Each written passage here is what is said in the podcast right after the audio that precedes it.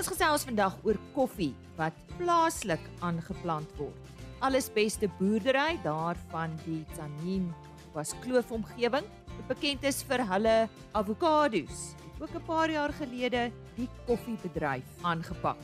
Indien jy meer oor Kersdag se weer wil uitvind, bly ingeskakel praat oor dierewelsyn en meer spesifiek die hantering van diere op 'n plaas. En Johan Kotse eindig vandag se program met 'n spesiale Kersboodskap aan ons landbouers. Ek is so bly jy kuier saam ver oggend vir nog 'n aflewering van RSG Landbou. My naam is Lise Roberts.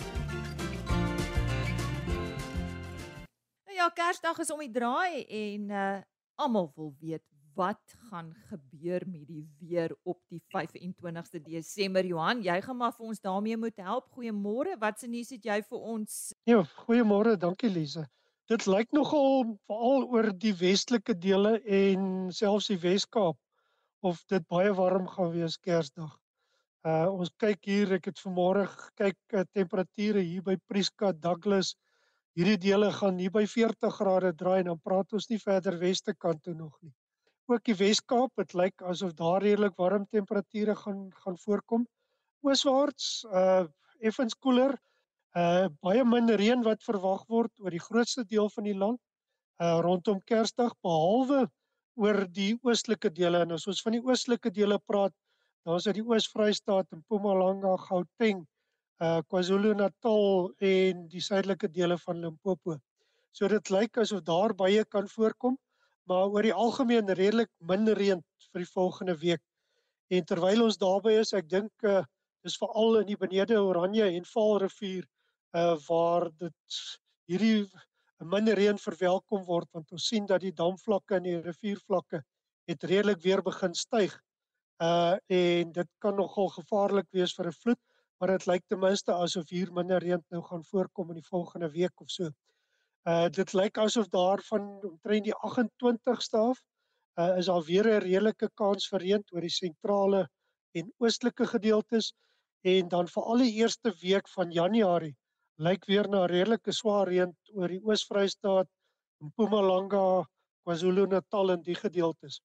So ja, uh as ons 'n bietjie verder in die seisoen probeer kyk, die La Nina is so op 'n mespunt, dit het begin verswak en toe dit nou weer so bietjie versterk maar oor die algemeen lyk dit asof daar nog reën voor is hier in in Februarie Maart se kant maar dat dit gaan begin droër word in die tweede deel van die seisoen en dit waarskynlik hierso van middel Februarie se kant af. So as ons 'n bietjie terugkyk, dit was een van die natste seisoene op rekord oor groot gedeeltes van die land waar baie plekke, baie distrikte het meer as dubbel die langtermyn gemiddelde reënval gehad en dit op twee seisoene waar dit al reeds redelik goed gereën het. Ehm um, en uh, dit het plekke wat bevind het en selfs die afgelope week plekke wat uh, uh versuiptoestande voorgekom het. Ehm um, maar vir ons weidingstoestande was dit baie goed geweest. Uh vir ons ondergrondse water natuurlik fantasties. Uh want as dit begin droër word uh en aanvulling raak minder is hierdie water wat nou opgegaar word uh, gaan goud werd wees. Dis dan hierdie week se weer nuus vanaf Johan van der Berg, maar uh, onthou om volgende week, selfde tyd, selfde plek weer in te skakel, dan hoor ons wat kan ons verwag vir die nuwe jaar. Ons gesels nou oor diere welsyn, diere veiligheid en plaas toerusting. Uh, net soos ons uh, lei ons diere op ons plase ook uh, onder stres en hoe vriendeliker ons hulle hanteer, hoe minder stres het hulle. Om met ons daaroor te gesels, verwelkom ek graag die verkoopsverteenwoordiger van Algar, Jonathan Toxepees. Jonathan, is daar 'n beweging in die mark waar diere op 'n veiliger manier aangewerk word? Lisa, baie dankie. Um ek dink dit is nog altyd vir boere belangrik om hulle diere veilig te werk. Um boere wil altyd hê hulle diere moet gesond wees en en en en veilige werking kom ook daarbey. Um maar in in die tye waar ons nou lewe is daar nog meer inligting en meer data um oor die gevolge van stres op diere en die neeweffekte wat dit het op hulle. Um so die mark is nou gemik om diere meer effektief te kan werk, om bietjie vinniger te kan werk en net om seker te maak die welstand van die diere is nog beter want die eindproduk van dit is ook baie beter. Um so dit wil sê minder stres op die dier en dit kan ook 'n veilige werksomgewing vir dier en mens wees. Um wat baie belangrik is. En met die veepryse wat hulle nou is veral um in die stoetbedryf is dit is dit noodsaaklik om die diere rustig te werk, die die diere rustig te hou terwyl jy werk.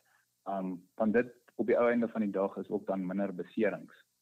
So, jy sê stres speel 'n rol in 'n dier se gesondheid. Uh so hoe sou 'n mens te werk gaan om stres te verminder? Uh ja, ek dink stres speel definitief 'n rol in die gesondheid van 'n die dier. Um 'n baie groot rol. Vee is baie sensitief vir stres um en die en die neeweffekte is op vleiskwaliteit, kudde gesondheid en die fisiese kondisie van die diere um stres speel 'n rol daarop daarop ook. Um so diere moet rustig gewerk word en nie aangejaag word nie. As daar baie geraas is en die mense slaan aan die eisters en en en daai goed um sit dit diere onder geweldige stres. So die mens hoe kalmer die mense is of hoe kalmer die mense voorkom wat met die diere werk, hoe gewoonlik hoe minder gestres is die diere en en hoe, hoe meer kalm is hulle. Um en met hierdie is ordentlike toerusting van groot belang. So toerusting moet doelgerig wees uh en moet werk sodat dit vinnig en veilig is. Die diere geniet dit nie om te lank in 'n drukgang te wees of in, in daai situasie te wees nie of in 'n krat of vasgeklamp wees nie. Um dit sit geweldige stres op hulle. So hoe vinniger jy dit kan doen um en hoe meer effektief jy dit kan doen, hoe uh, hoe beter die resultate gaan wees um wat jy gaan hê op die ou einde van die dag. So, hoe gaan Algar te werk om stres in vee te verminder met dit wat jy vir 'n produsent kan bied? Al uh, die eienaar van van Algar boer ook met vee, so hierdie gee hom 'n 'n fyn oog wat wat nodig is in 'n kraal en dit gee hom ook die kans om sy toerusting te toets en te beproef um, in sy eie kraal, so hy kan sien wat werk, wat werk nie vir hom is dit baie belangrik dat dat sy diere kalm bly. So in in ons krale is is die stres van die diere redelik belangrik dat die stresvlakke laag bly. Um so al ons toerusting is gemik op dit. Um die ontwerp van die toerusting mik daarop op veiligheid um van die dier en die mens wat baie belangrik is. En dan ook die tydperk wat die dier in 'n krat moet bly of in 'n drukgang moet bly is ook van groot belang. So ons mik al ons produkte mik daarop dat jy die dier vinnig kan werk in 'n rustige manier en ook dat jy minder arbeid nodig het. Baie diere of vee in die algemeen hou nie daarvan om hanteer te word deur mense of of te veel aangejaag word nie. So ons produkte mik daarop dat jy minder arbeid nodig het en laat die dier so kalm en rustig soos moontlik bly in die klampe.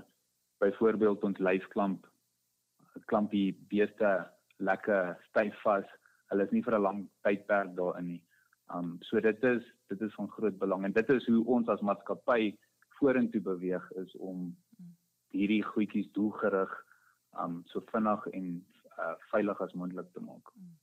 Jy praat oor vorentoe beweeg. Daar's natuurlik deurlopend ontwikkeling in hierdie bedryf soos in enige ander bedryf.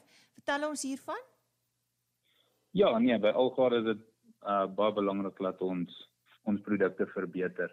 Soos ek sê, ons toets ons eie produkte, maar ons vat ook uh terugvoer van boere af en van kliënte af, want dit is dit is die mense wat met die toerusting werk elke dag. So die terugvoer van hulle af is baie belangrik. So ons kyk waar ons goedjies kan verbeter, uh die kleiner goed, uh, fynere goed ook um, om dit veiliger en vinniger te maak. Um ons kyk waar ons kan geld spaar vir die boer. Um wat ook baie belangrik is in vandag se tyd. So byvoorbeeld soos ek gesê het ons bees lyfklamp het 11 um toegangshekke. Hy klamp die bees heeltemal vas en hy gee die boer die tyd om te dous in te spuit al die goedjies wat jy moet doen, hoe hoe wat te check, al hierdie goed, net om seker te maak die dier is gesond, dat daar nie probleme is nie en en um laat die kudde eintlik in 'n positiewe manier uh uitgroei. So dit gee jou minder tyd in die krat van die beeste. Dit is net een van die um voorbeelde. Ons ons het ook dan nou 'n selfaangedrewe voermenger wat ons wat ons inbring. Hierdie is belangrik want veral vir jou stoetteelers en so aan waar voer baie belangrik is. Voer moet goed gemeng word, voer moet goed gesny word en nie almal het altyd die trekkers wat dit nou moet doen nie. So hierdie selfaangedrewende voermenger is baie baie goed vir die intensiewe stoetboer en al sy goedjies wat hy moet doen want op die ou einde dit is ook dierewelsyn. Jou diere moet goed gevoer wees, die voer moet goed gemeng wees. Jy moet die dier moet soveel as moontlik uit die voer uitkry. Um so ons mik daarop en dan probeer ons met hierdie terugvoer van die boere al ons produkte so te verbeter. Um ons maak verstelbare drukgange, so jy het minder arbeid nodig waar jy waar jy nou nie diere het wat heeltyd omdraai in die gang nie en seer kry en so aan nie. So dit is 'n dit is 'n mark wat vorentoe gaan, ja. Jy praat baie oor oor vee en dan verwys jy spesifiek na beeste. Uh maar al hierdie dierewelsynspraktyke, uh minder stres. Dit tel een vir eintlik vir enige plaasdier. Ek bedoel ons het skape, ons het varke, is ek reg? Nee, dit is 100%. Ons hmm. maak um ons maak hierdie hierdie lyslampe vir skape, ons maak dit vir bokke. Hmm. Ons het ons het 'n verskeidenheid produkte vir albei um skape, bokke, ons het ook vir varke. So vir, vir ons is dierewelsyn baie belangrik en ook in die tyd wat ons nou is, moet jy soveel uit jou boerdery kan kry as moontlik en en gesonde diere um is definitief iets wat jou boerdery vorentoe vat. So as jy die toerusting het of ons voel as jy die toerusting het wat minder stres op jou diere sit en minder stres op die boer, um, gaan jy 'n gesonde kudde hê wat op die ou einde van die dag dan jou vorentoe vat. Nou ja, veral vir hierdie tyd van die jaar, almal is maar 'n bietjie gestres so aan die einde van die jaar. Dit tel seker vir mens en dier. Ja. Jonathan baie dankie. Jonathan Toxepees, hy's uh, verkoopsverteenwoordiger van Algar wat vandag met ons gesels het oor uh, die ontwikkeling in produkte wat uh, dierewelsyn en diereveiligheid aanspreek. As jy nou eers ingeskakel het, goeiemôre. Jy luister na RSG Landbou. Baie welkom. Die Laagveld in die Tsanin omgewing het 'n soortgelyke klimaat as die woude in Suid-Amerika en Midde-Afrika. En die gebied se koffiepotensiaal het lank gewag om werklik ontgin te word. Alles beste boerdery is in hierdie gebied geleë en hulle het bekendheid verwerf vir hulle baanbrekerswerk vir die avokado bedryf. Krabbefontein is waar ons onlangs gaan kuier het om meer uit te vind oor hulle koffie aanplanting en ook hoe koffie uiteindelik in jou koppie beland. Sander Erns, direkteur van bemarking en produksie, het hulle beginjare met ons gedeel. Ons is koffieliefhebbers. Ehm um, so ons het begin met koffie eintlik met die idee van kom ons plant bietjie vir die kantoor, daai tipe van ding. En wat gebeur het is ons is besig met ewe ontwikkelings. Maar dan baie keer het jy uitvalstukke. Hierdie is nou nie 'n baie goeie voorbeeld van dit nie, maar jy sal 'n deel soos hierdie byvoorbeeld ewe plant en dan sal uitvalstukkie wat net te skuins is om ewes te plant. So dan sal ons gaan en ons soek iets om daar te plant. Jy wil nie hê dit moet net onkruid word wat jy bestuur nie. Ehm um, en om by ou en een of ander ekonomiese waarde uit dit te kan put. So ons koffiepad is heeltemal begin deur om onbenutte ewe grond ehm um, te begin gebruik met 'n gewas. Nou Janine is redelik beperk. So ehm uh, um, in daai opsig uh, iets wat ek nie vir Evers benut nie, kan ek nie vir Macadamias benut nie. So uh, dis waar ons eintlik koffie toe gaan het. Nou toe ons met die koffiepad begin het, het ons besef daar's nie eintlik koffiemateriaal net vrylik beskikbaar nie. So uh, my stap net by 'n kwekery in en koop 4000 of 10000 bome nie. Ehm um, so ons heel eerste besending boompies wat ons gekry het, ons het uit Sabie Vallei uitgekry. Ons het 800 plantjies gekry, alles een kultivar. Ehm um, en dit geplant, maar oor ons nie geweet het gaan ons die koffie ding reg kry. Ons het nie eers geweet hoe om dit te verwerk nie. Ehm um, so uh, ons was happy met daai getal, maar nou vat dit jou 2 jaar om 'n oes te kry. En toe ons die eerste oes afhaal, toe proe daai koffie so sleg soos jy net kan dink nie. Ehm um, en dis waar 'n vriend my toe aan Matt bekend gestel het. Ehm um, nou Matt se geskiedenis is baie langer as wat ek dit nou gaan sê, maar hy waar ek hom ontmoet het is hy het vir Tribeca ehm um, gewerk nou baie van julle wat in die stad is behoort 'n idee te hê wat Tribeca is. Maar onder andere ran hulle die Woolworths cafes en hulle supply Woolworths met hulle koffie. That's the simplified as much as I can. Ehm um, so uh, dit ons vir Matt, ek het hom ontmoet in die stad en vir hom so 'n handjie vol bone gegee en gesê sê vir my wat dink jy? En toe kom hy terug toe sê nee, hy dink daar's potensiaal maar ons moet nog baie verbeter. Ehm um, ek dink hy het so half dalk gegaan het op waar dit vandaan kom meer as maar die vriend wat my aan hom bekend gestel het het ook al vir my gesê Matt het nog altyd hierdie gevoel gehad dat as daar kans is vir koffie in Suid-Afrika om brood iewers wees.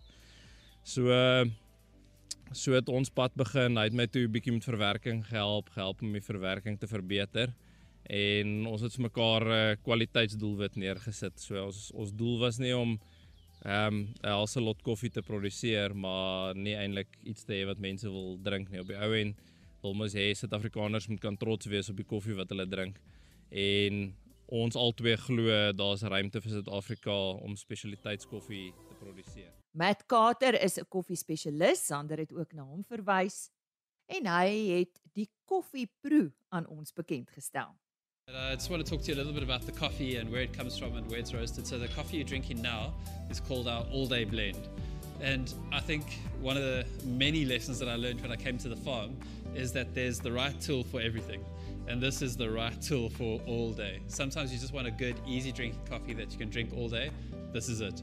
So it consists of coffee from Tanzania, from the Kilimanjaro region, from Brazil, specifically from the Sao Paulo district up north, close to Minas Gerais, on a farm there one of my friends owns. Um, and then it's got coffee from from here as well, from us. So the reason we blend it, like Xander said earlier, is to get that balance. So we're really looking for that balance of the flavors. So when you're tasting your coffee, I first want you to have a good smell and that introduces you to the coffee. It's kind of like the the handshake. When you come to someone, you get a nice handshake and a good firm grip. You kind of get to know what to expect. And you're going to taste the coffee, but you're going to do something that our that my mum would be incredibly embarrassed if I did it in front of a bunch of ladies. And I lightly aspirate. The less technical term is schlurp. So you want to really aspirate and get a nice spray over your mouth and that gives you the good full flavor profile. It also incorporates a bit of air. So the louder you do, the better it tastes. So I think you were just asking me a bit about how coffee is processed. So when coffee is uh, is farmed, we saw the, the, the flowers. After about eight eight to nine months, you'll start to get the red cherries. We pick the cherries. Unfortunately, coffee tends to be very uncooperative as a as a crop. So you'll have some coffee that's still a flower, you have some that's green, some that's ripe, and some that's already overripe. So what we do is we hand pick each cherry. So we make sure that it's red and ripe. We check the Brix levels to make sure the sugar levels are correct. Once we've done that, we bring it back here and we remove that cherry through a little pulper. Then we dry it. And, oh, so depending on how we're going to process it, there's different ways to process it. The one way is uh, fermenting it. So we'll put it into water and let the enzymes just break down that sugar content on the outside. It's a sugar substance called mucilage. So we'll let the enzymes, natural yeast, to break that down. Or what we're busy do, experimenting with now is what if we don't do that? What we, if we leave that mucilage on the, the cherry, or, or sorry, on the seed? What happens then? And what we realize is we get a lot of that sugary substance comes into the flavor, and you get a nice sweet, balanced coffee. If you get it wrong, it tastes like vinegar. So you've got to like work incredibly hard to get it right.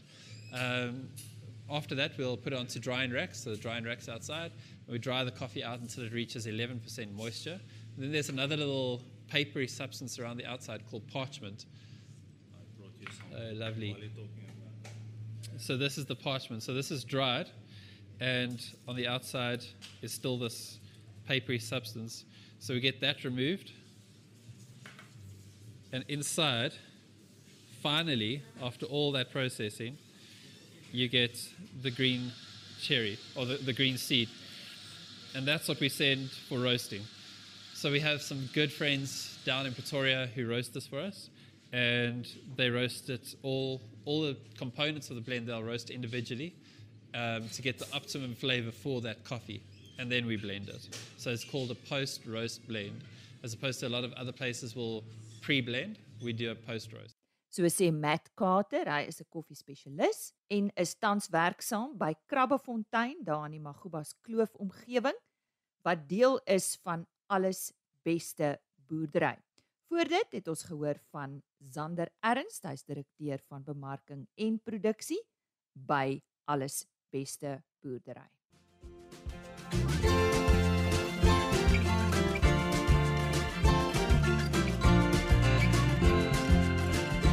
Vir ons afsluit met 'n spesiale Kersboodskap, mag ek ook van hierdie geleentheid gebruik maak om ieder en elk 'n baie geseënde Kersfees toe te wens.